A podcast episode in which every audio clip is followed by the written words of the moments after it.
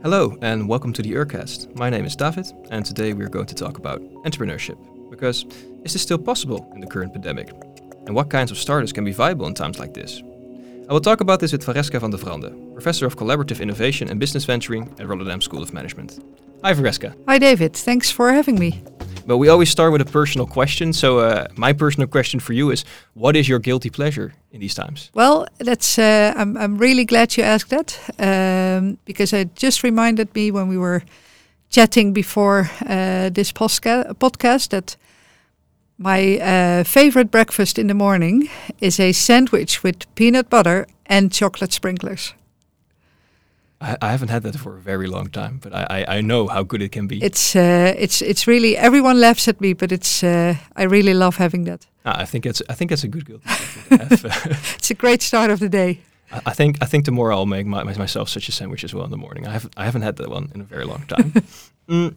So yeah, let's let's get a little bit more serious w- when we continue. So um, of course, uh, right now it's not really possible to start any business due to the COVID restrictions. Uh, but what are some new innovative businesses you've seen pop up, pop up that are doing well despite the crisis?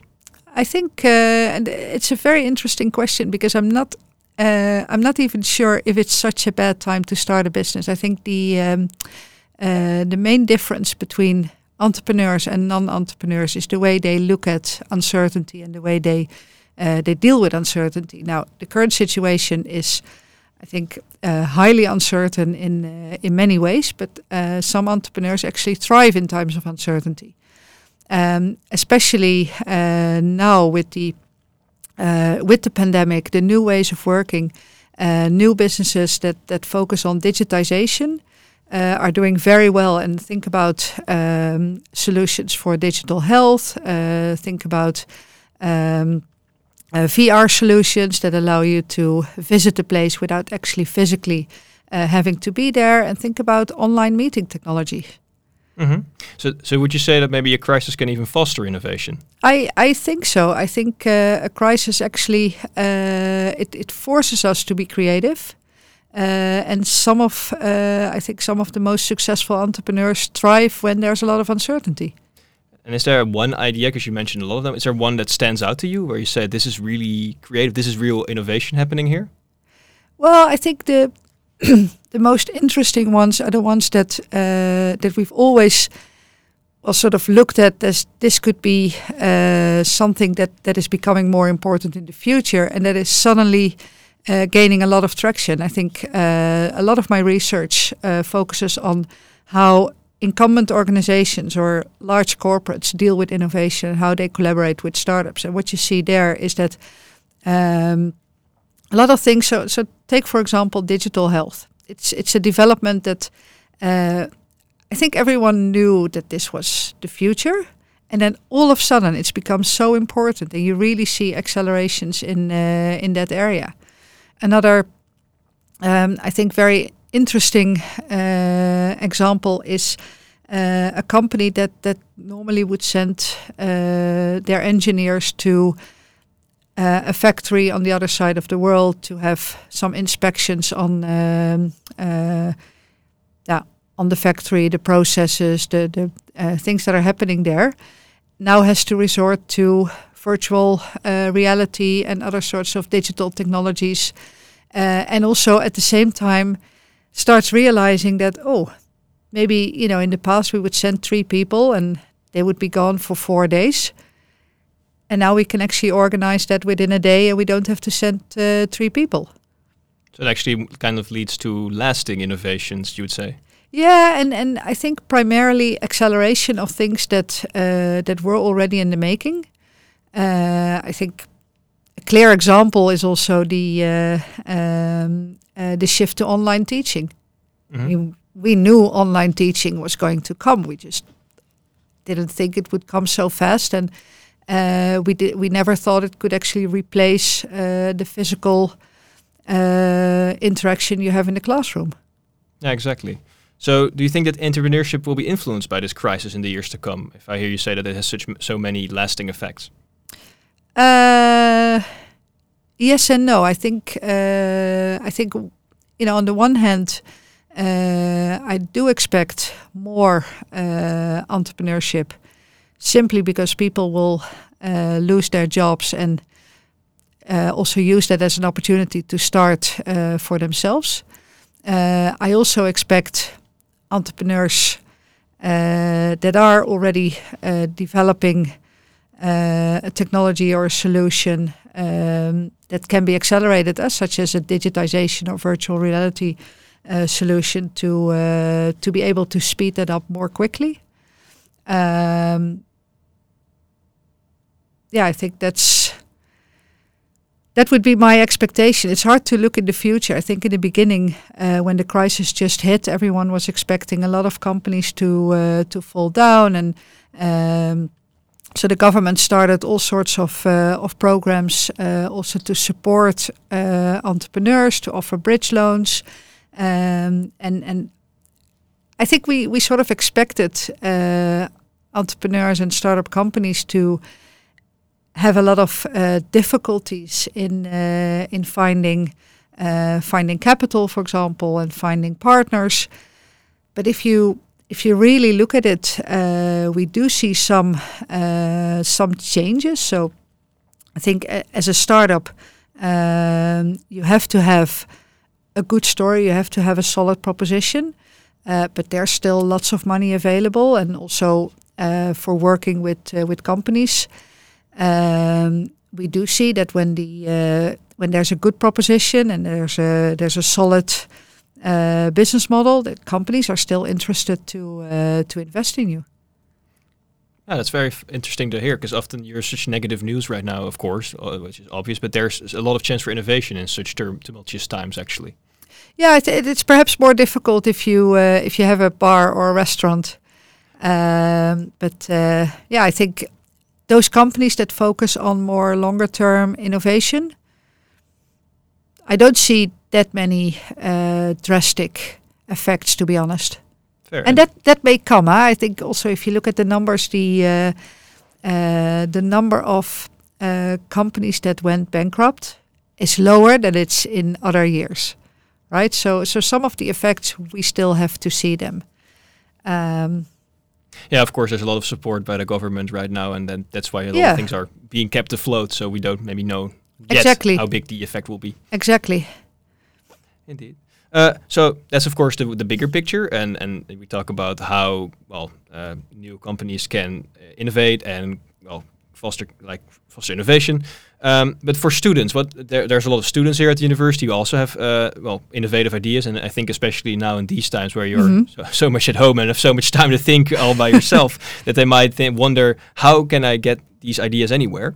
So well, my question for you is, uh, what should students do if they feel like they have a really good innovative idea right now in these times? Well, I think uh, I think first of all, don't be held back by uh, the current uh, situation. As I say, I think the the pandemic also um, invites us to be innovative and to come up with new solutions. So in that sense, uh, you are in a good position, I think, to uh, to start a company, uh, to develop your uh, your ideas, and perhaps um, students today may know even better what is needed for the for the society that we're currently in than uh, well, let's say older people like uh, like myself. Um, I think uh, well, very concrete. I would say so. At Erasmus University, we have a um, an organization that's called the Erasmus Center for Entrepreneurship. They offer uh, fantastic programs to help you uh, further, uh, let's say, develop your ideas, um, develop the ideas also in such a way that uh, they have a fit in the market to address uh, the um, uh, the customer to find the right say problem solution fit. So I would definitely, if you have an idea and you think you think about pursuing that, explore that option, and and particularly given the current job market situation, there might not be a better time to think about starting your own business than right now. I think that's a very uh, good point you make. Yeah, the Erasmus Center of Entrepreneurship can then help students well come up with a well to further develop their exactly. ideas. Exactly, and also make make you more aware of the potential of the idea, but also what it uh, what it takes to be an entrepreneur. Because you told me before, uh, before we started the podcast, you are also connected with the uh, Erasmus Center of Entrepreneurship, right? Yeah, yeah. So I'm the uh, academic lead of Erasmus Enterprise, which is um, well, I would like to call it the incubator organization of the uh, Erasmus University. Uh, so we um, well we host uh, a lot of activities connected to entrepreneurship through the Erasmus Center for Entrepreneurship. As I mentioned earlier, uh, we also collaborate with uh, with Yes Delft, uh, specifically in the social tech domain. so together with Yes Delft, we're exploring opportunities and solutions to address societal problems using technology. Uh, so really on the intersection of technology and uh, and social sciences, um, and we're also um, actually developing a building, a physical location on campus to house uh, those entrepreneurs, so the students that uh, that you talk about. Uh, very soon, when the campus reopens, they will also have a spot uh, where they can work and and interact with with other entrepreneurs. That sounds great. I think then it's a very good time for an Erasmus student to start innovating, to yes. say the least, because uh, we have we have a lot for students to further develop their ideas. Um, well, finally, this I talked about what if they have an idea, uh, but also I have a more general question about the same topic. Do you have any general tips for students that want to engage in entrepreneurship now in the crisis, or more in general in the future? Um, I think my um, my main uh, piece of advice would be do it.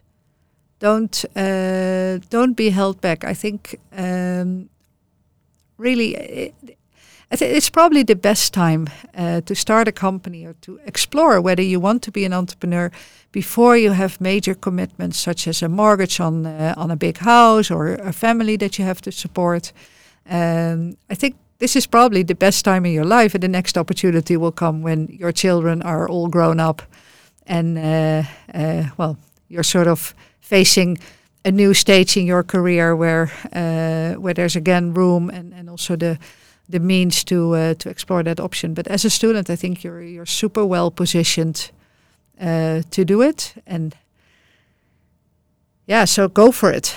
I think that would be my main uh, my main solution. Go for it, and don't think that you can develop your idea, your product, your service um, by staying in your room.